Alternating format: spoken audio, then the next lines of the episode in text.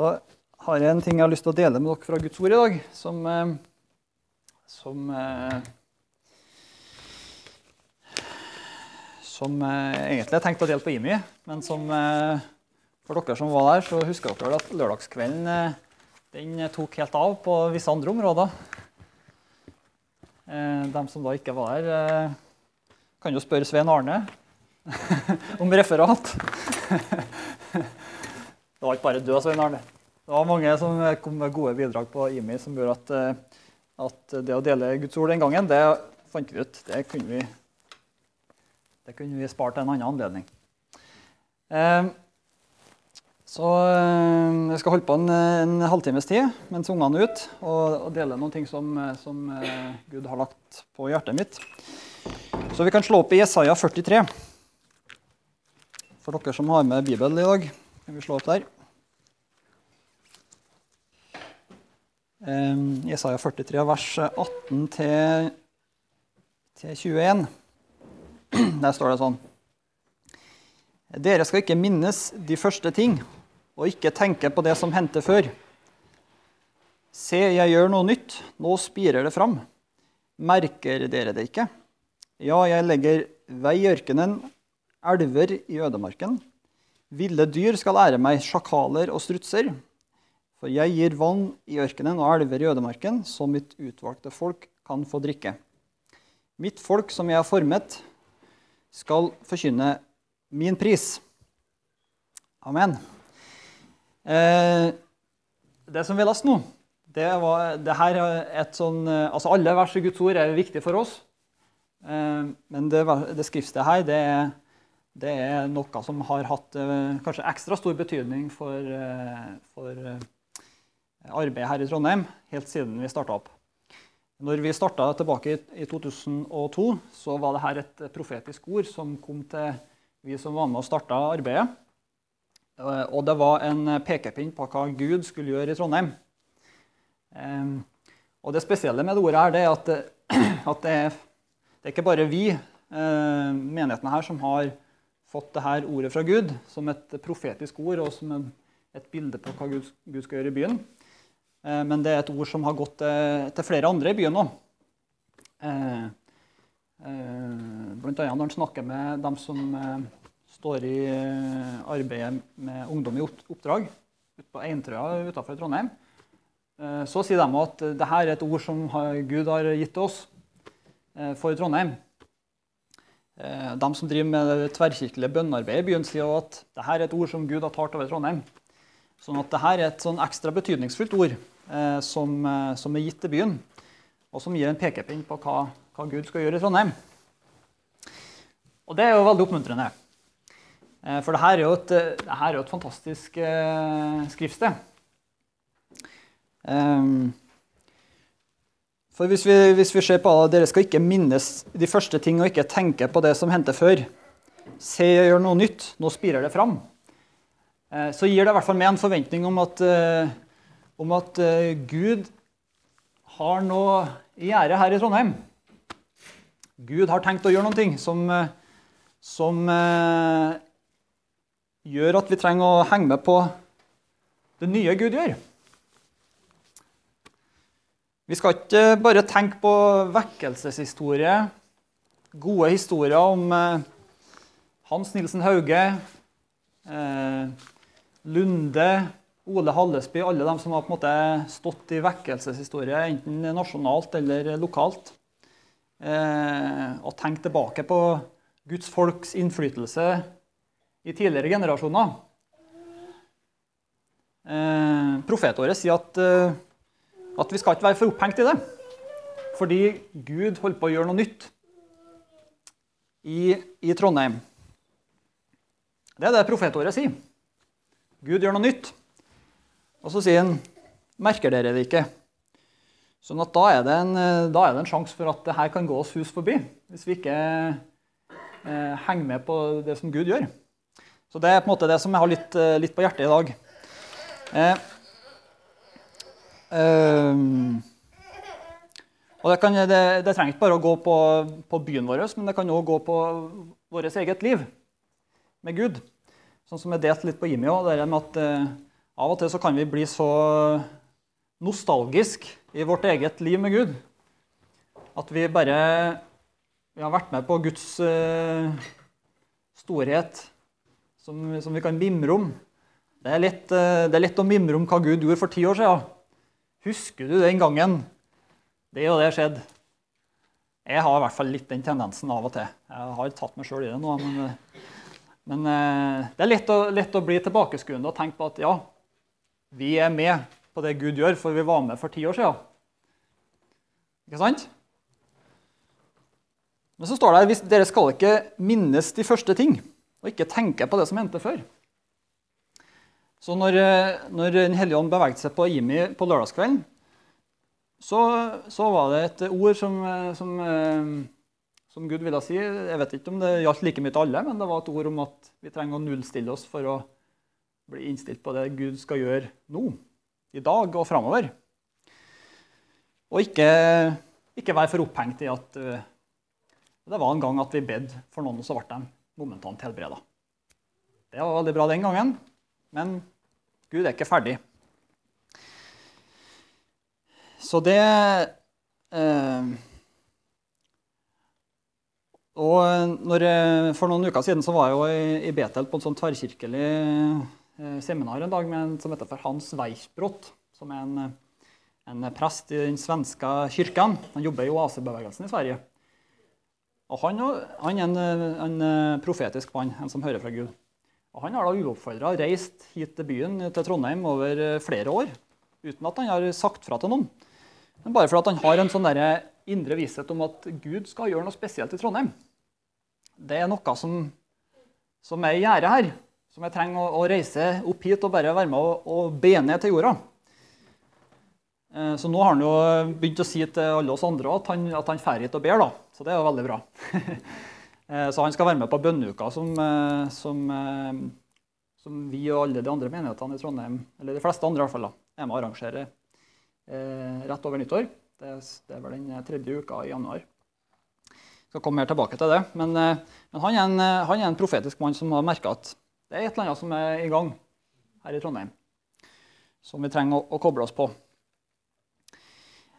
Um, men det som, eh, det som, eh, det som Gud har vist eh, meg litt gjennom når jeg har meditert på de versene her i det siste, så er det det med at, at profeten snakker om, om, ødemarken. Han snakker om en ørken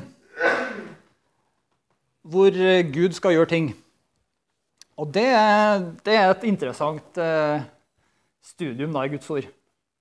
For vet, mange av dere plassene og tingene i Bibelen det har ofte en sånn betydning. Eh, og det med ødemarken, det er, det er, et, eh, det er en ting som du finner igjen flere plasser i Bibelen. Eh, du ser det, eh, du ser det at Jesus han ble sendt av Den hellige ånd ut i ørkenen. Du ser at israelsfolket gikk rundt i ørkenen i 40 år. Du ser enkelte av profetene bli leda ut i, i ørkenen. Sånn at ørken det, måte, det har en betydning i Guds ord. Det er ikke en hvilken som helst plass, sjøl om eh, vi som har sett eh, på Dagsrevyen og sett hvordan det ser ut i Midtøsten, så skjønner vi at eh, det er vanskelig å bevege seg rundt i Midtøsten uten å komme bort i ørken før eller senere. Men, men i åndelig betydning så, så, så, har ørken en spesiell betydning i Guds ord. Det, det taler om noe som er tørt, som er ufruktbart. Som, er, som ser uh, gudsforlatt ut. Som virker, virker, til å være uten Guds liv og velsignelse. Det er på en måte det, det er ganske opplagt. Det er på en måte det er en uh, måte å forstå hva ørkenen er på. Men samtidig så er, så er Når Bibelen taler om det med ødemark og ørken, så, så Eh, så handler det om at Gud eh, Gud lar oss få komme inn i, i steder hvor eh, vi trenger å lære oss å stole på Gud. Vi Ødemarken, det er når, når, Bibelen snakker om ødemarken, så, så taler det om at vi, vi trenger å lære oss å ikke leve ut fra omstendigheter. Ser det tørt ut? Ser det ufruktbart ut? Når vi ser med de naturlige øynene våre, så betyr ikke det at håpet er ute. Ikke sant?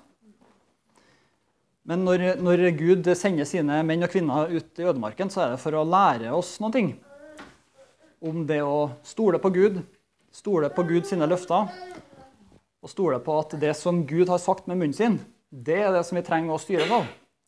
Ikke ut fra hva vi ser rundt oss. Det er på en måte hele poenget når, når Bibelen snakker om, eh, om ødemarken. Så er det poenget. At hvis Gud har talt, hvis Gud har sagt noen ting, så er det det som eh, styrer oss. Ikke hva vi ser av omstendigheter, av eh, frukter, av at eh, synden råder. Men vi trenger å lære oss å komme inn i et liv hvor vi stoler på Gud og gir Gud rett i det som han sier. Så når jeg leser det profetordet som vi leser i Jesaja 43, så tenker jeg som så at ja I Trondheim i dag så er det, er det ødemark. Det er ørken. Det er, det er åpenbart at det er mange steder hvor Guds liv og Guds velsignelse ikke har landa ordentlig. Det er min konklusjon når jeg beveger meg rundt i byen. Jeg tenker at her, her er ikke, Vi er ikke ferdige ennå. Er dere enige med meg der, eller? Ja, det er godt å høre. Ehm, men samtidig så, så Når jeg leser det profetåret, så, så, så, lover Gud noen ting. Han lover vei i ørkenen, elver i ødemarken. Og så lover han at ville dyr skal ære meg, sjakaler og strutser. Jeg vet ikke om dere er like nerdete som meg, men, eh, men, når jeg ser sjakaler og strutser, så lurer jeg på hva betyr det Hvorfor står ikke elger og, og, griser, liksom? Er dere så nerdete som meg? Nei. ja, det var det jeg regna med ville jeg bli bekrefta. Sjakaler og strutser, hva betyr det i Guds ord? Jo, eh, hvis du leser profeten Mika, så ser du at sjakaler og strutser det representerer folk som, eh, som lever i sorg og klage. Eh, Sjakaler og er jo sånn, eh, er jo sånn dyr som eh, trives kanskje litt karrige strøk. da. Eh, eh, og liker seg der det er åtsel og sånne ting. Da, vet du. Dere som ser på National Geographic, kan jo mer om det enn, enn hva jeg klarer å legge ut her nå. Men, eh, men i Guds ord så, så, ser vi at sjakaler strutser forbindes med, med ødemarken. Med der Guds liv og Guds velsignelse er er borte, der hvor eh, forbannelse egentlig rår, så ser vi at, eh, at det med sjakaler og strutser blir brukt for å male ut eh, hvordan det er å leve under forbannelse. Og så står det at sjakaler og strutser da, i profeten Mika så, er det forbundet med, med, klage og sorg. Men løftet til oss da, det er jo at, at sjakalene og strutsene skal, skal ære Gud. Ikke sant? Så det da jeg i min enkle teologi eh, kommer fram til, det er jo at som, mange av dem som klager og lever i sorg i Trondheim, at der er det håp. Der har Gud noen ting på gang. Ville dyr skal ære meg, sjakaler og strutser. For jeg gir vann i ørkenen og elver i ødemarken. Så mitt utvalgte folk kan få drikke, står det.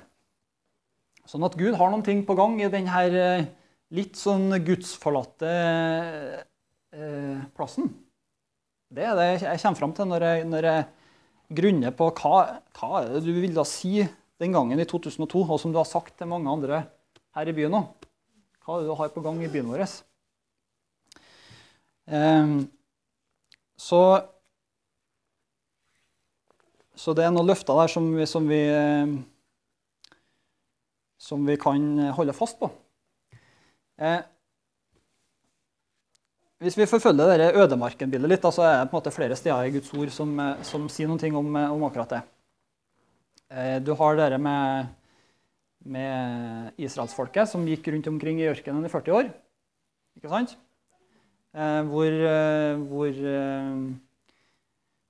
hvor de ble tatt et sted hvor de hvor de enten skulle lære seg å stole på at Gud er den som forsørger, selv om du ikke har kommet inn i løfteslandet ennå.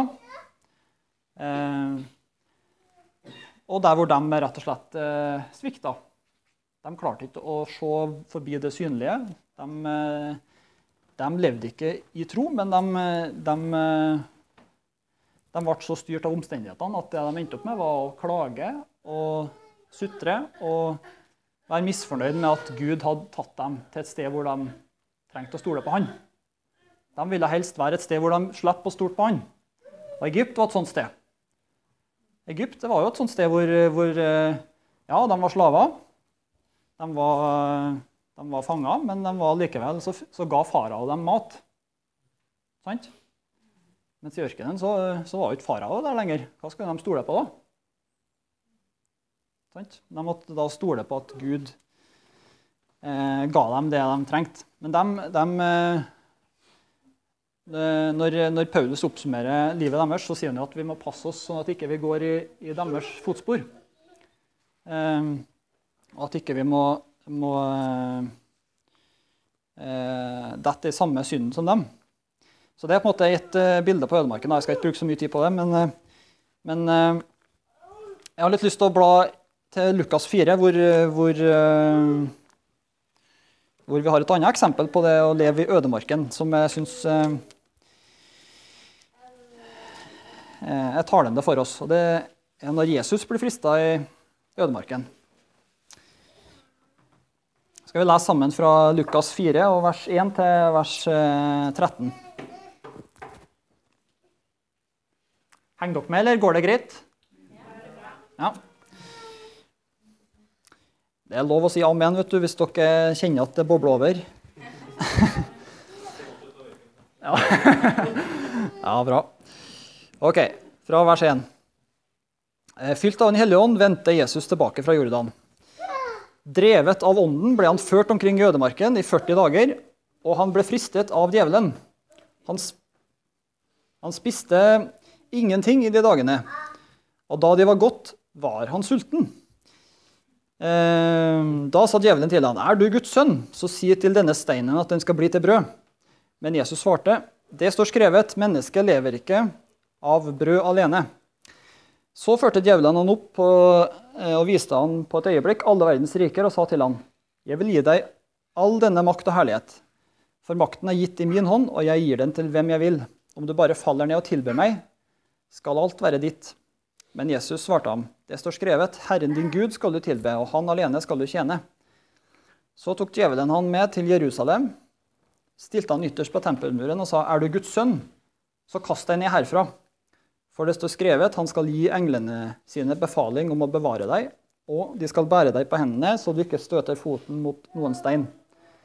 Men Jesus svarte ham, det er sagt, du skal ikke sette Herren din Gud på prøve. Da djevelen var ferdig med å friste ham på alle måter, holdt han seg borte fra ham for en tid.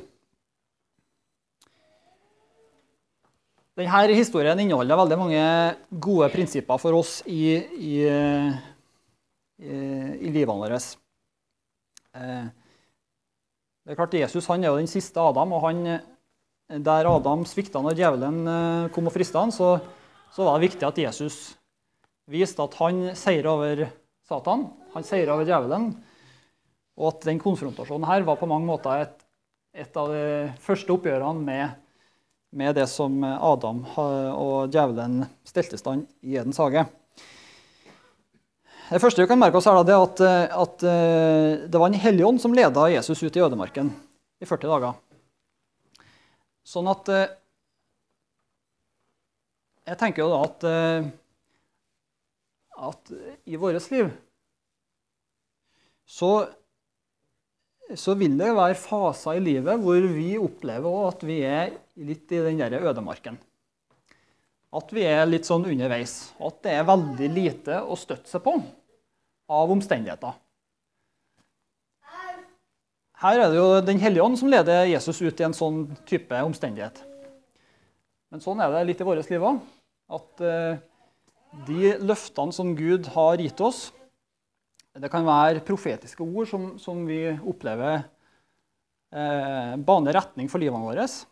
Som, som, ikke er løst på et øyeblikk, men som handler litt om at vi trenger å stå no, i noen ting. eh, gjennom store deler av livet, eller mindre deler av livet, det kan være litt forskjellig, så vil det være en opplevelse av at vi, vi er ledet av Gud dit, men samtidig så er det fryktelig lite hjelp i omstendighetene. Ikke sant?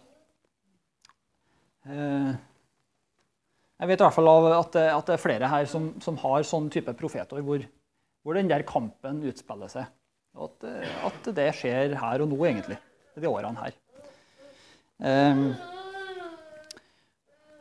så Den hellige ånd uh, lar oss uh, komme inn i sånne situasjoner hvor, hvor, uh, hvor vi lærer at vi trenger å stole på det Gud har sagt, og ikke på at omstendighetene på en måte ordner opp. For det, det finner vi belegg i Guds ord for at eh, omstendighetene eh, styrer oss hit og dit. Ikke sant? Så, så det er den ene lærdommen. Eh, så ser vi i vers 13 her, da, hvor det står at da djevelen var ferdig med å friste ham på alle måter, holdt han seg borte fra ham for en tid. Så det, Når det står på den måten, så tenker jeg da at da betyr det at de, tre, de tre episodene hvor Jesus blir eh, frista av djevelen, det representerer altså Når det står at han blir frista på alle måter, så betyr det at de tre historiene representerer bredden i hvordan vi kan bli frista. Ikke sant? Så da vil det være noe i de tre historiene som, som, eh, som vi trenger å dra lærdom av. Som på en måte utfyller litt spekteret på, på hva er det vi kan eh, møte når vi, når vi Når det eneste vi har å stole på, er at Gud har sagt noen ting. Ikke sant? Så La oss da se, se kort på de, på, de, tre historiene. Første, første konfrontasjon her da, det er jo når djevelen, eh, altså Jesus er sulten. Han har fasta i 40 dager. Eh, de som, eh, de som driver og, lærer opp litt i faste, sier at du blir jo du blir, først, du blir, sulten de første dagene, og så på en måte blir fordøyelsessystemet vant til at, du, til at du ikke får noe mat. Og så forsvinner sulten litt. Eh, men på en måte når du da igjen blir sulten igjen, så måte, begynner kroppen å slå litt sånn alarm. Ikke sant? Jeg har i hvert fall lest det noe plass. Jeg, jeg satser på at det i hovedtrekk Jeg har aldri fasta i 40 dager, så jeg kan ikke liksom si at det er sånn. Men eh, men Jesus ble i hvert fall sulten, og så kommer djevelen og sier til henne at eh, er du Guds sønn, så si til denne steinen at den skal bli til brød. Og da Når Jesus svarer, så svarer han det står skrevet mennesket lever ikke av brød alene. Og da er det, Når Jesus svarer sånn, så, så adresserer han samtidig en viktig ting i, i, det, å, i det, å, stå i, stå en sånn kamp. Eh, det er et press i det å være på Guds sitt lag. Ikke sant? Eh, det å stå opp for Guds ord, det å, det å, på mange måter være en del av en motkultur Det å være en del av det folket som, si, som holder det Gud sier, for sant, det innebærer faser med press og muligheter for snarveier. Så det, så det djevelen egentlig gjør her, det er at han, han, gir, han prøver å friste Jesus til å ta en snarvei. Ikke sant? En snarvei til å døyve sulten en snarvei til å få dekt sine personlige behov. Og Det er en, det er en side ved det med fristelser som, som, eh, som vi kan møte på da, i en sånn ørkenvandring. At uh, Enten det er snarveier til, til personlige behov, altså det kan være snarveier til, til penger, det kan være snarveier til, uh, til, sex, det kan være snarveier til, til suksess, som, som djevelen prøver å legge i vår vei sånn som han gjør med Jesus her. Og det interessante er Når Jesus da svarer, så svarer han jo at det viktigste vi kan gjøre, er å, eh, er å altså Mennesket lever ikke av brød alene, men av hvert ord som går ut av Guds munn. står Det jo de andre, det står ikke akkurat i Lukas, da, men det står jo i Matteus og Markus. At mennesket lever av hvert ord som går ut av Guds munn. Så det Jesus prøver å lære oss gjennom denne episoden, er jo at det viktigste vi kan gjøre når vi kommer under press, det er å ha våre kilder i Gud ikke, ikke falle for fristelsen til å synes synd på seg sjøl, til å ta snarveier, til å, til å, eh, til å gi etter på ting som du vet ikke er rett, men å spesielt da, i de fasene med press, at du, at du nærer gudslivet ditt med, med, å bli fylt av Den hellige ånd, med å ta til deg av Guds ord, sånn at du kan, eh, sånn kan døyve sulten på den måten. Det er det Jesus prøver å lære oss gjennom den, den historien. Så det representerer en av de sidene. Eh, neste her, da, er jo når eh, han blir ført opp på et høyt fjell og ser hele verdens rikene, og så sier djevelen til Jesus at eh, det her kan du få så lenge du faller ned og tilber meg. Så skal alt dette bli ditt. Um, uh, og da eh, Da har jo på en måte djevelen allerede gått langt i å innrømme hva som er Guds plan med Jesus Kristus. Ikke sant? Da har djevelen allerede gått med på at eh, ja, Jesus skal herske over jorda. Det er greit. Går med på det. Eh, erkjenner at du er sendt fra himmelen for å, for å, få hele jorda i arv. Det er greit, sier djevelen. Så da har jeg et eh, kompromissforslag. Du kan bare tilbe meg, så skal du få det. Er ikke det et, ikke det et bra kompromiss, Jesus? Er ikke, det, er ikke det en grei deal? Du får ditt, og så og så får jeg litt. Slipper du å kjøre resten av, av den prosessen som står foran deg, med å bli korsfesta og alt det der. Sånn type kompromiss tror jeg jeg tror flere av oss kan komme i sånne situasjoner hvor sånne kompromissforslag kan, kan dukke opp. Eh, vi ser det, vi ser det i, i, historien, eh, altså nyere historie i Norge at, eh, at eh, folk som står på Guds ord, kan, kan få tilbud om posisjoner, om eh, å få innflytelse, mot at en inngår kompromiss på en del ting som, som er kontroversielt. Ikke sant? Det kan være seg biskoper ikke sant? Som, som, som, vet at hvis de firer litt på en del kontroversielle ting, så får jeg, får jeg jobb som biskop. Det, det, det kan vi se. Lese ut av eh, hva folk har stått for før, og før de ble biskop, og hva de står for etter at de ble biskop. Men, det, men det, vi, vi, trenger liksom ikke å, å, tenke at ja, det der gjelder norske kirke, men det gjelder ikke oss. Det kan opplagt gjelde oss. Ikke sant? Eh, det kan være situasjoner hvor vi, hvor vi eh, La oss si at vi har et prosjekt som vi ønsker å gjennomføre. Eh, noen av oss. Også at eh, ja, kommunen vil gå inn og støtte med millionbeløp så lenge dere demper det med Jesus. Ikke si noen ting om Jesus. Dere er gode, velmenende folk og står på. Dere, det, det, kan dere gjøre, men ikke si noen ting om Jesus. Da er vi med å sponse dere. Vi skal ha et livssynsnøytralt opplegg. Sant?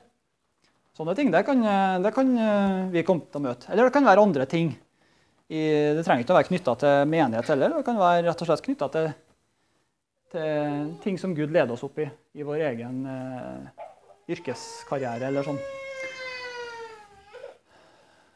Så når Jesus da svarer 'Herren din Gud skal du tilbe, og han alene skal du tjene', så, så sier jo Jesus hva på en holdninga vår skal være til sånne type tilbud. Da er det bedre å takke nei. Jesus takka jo nei. Ikke sant?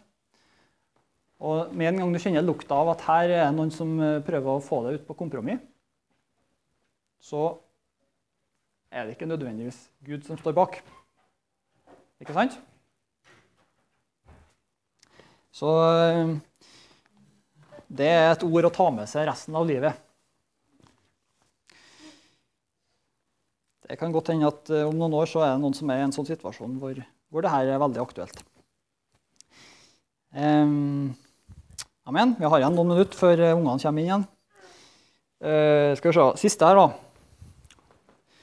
Når uh, djevelen tar med Jesus på tempelmuren og så sier er du Guds sønn, så kast den herfra.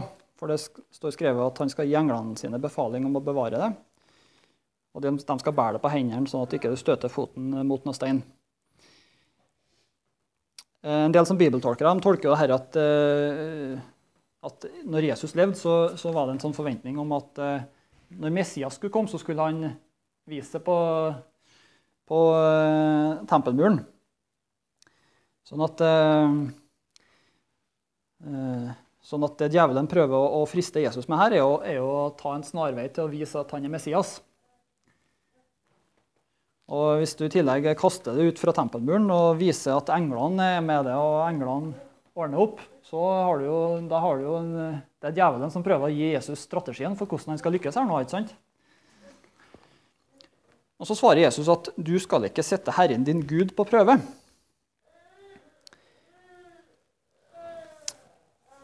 Og det der tror jeg Når en går inn i den historien og, og på en måte skjønner at når vi, når vi blir frista på å sette premissene for hva Gud skal gjøre, da må alarmen blinke litt. Eh, og her er jo på en måte kulturen eh, Kulturen vår eh, veldig bygd rundt hva er det Altså individualismen, ikke sant? Gud trenger å ta hensyn til oss. Gud trenger å tilpasse våre ønsker, våre mål, våre ambisjoner. Og du møter at, eh, at eh, sånn, sånne sitat som at 'hvis Gud ikke kan gjøre det og det', da vet jeg ikke om jeg kan tro på han. Ikke sant? Hvis Gud ikke, hvis Gud ikke ordner en jobb til meg nå, da, da tror jeg ikke Gud er god. Sant?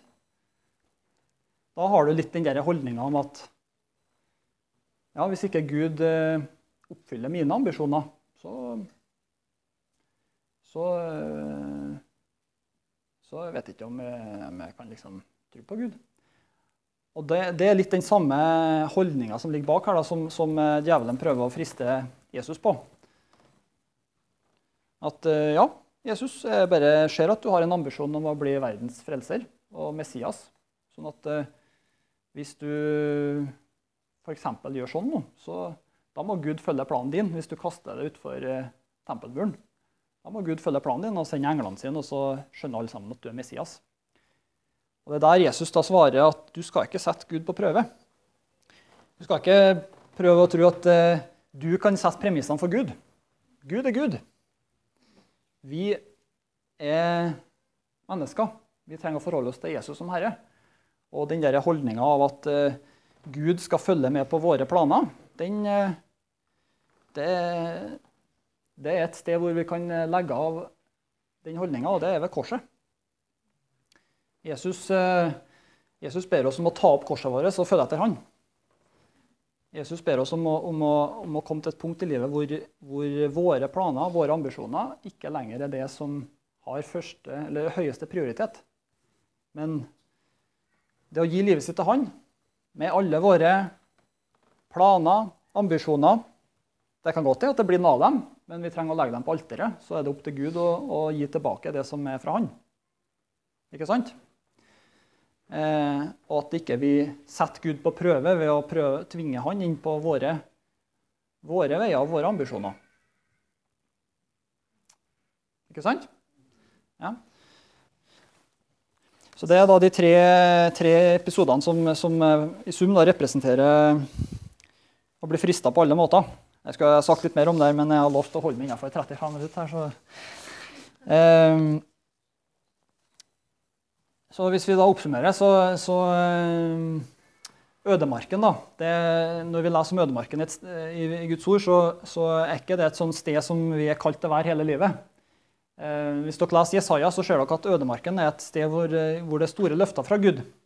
Gud skal gjøre det til en hage. Gud skal la det blomstre der. Gud skal la det bli fullt av hans velsignelse og liv. Sånn at når, når jeg på en måte maler bilder av at vi er det er der vi er i dag, så er ikke poenget mitt å si at OK, nå er det bare å innstille seg på et uh, kjedelig liv resten av livet.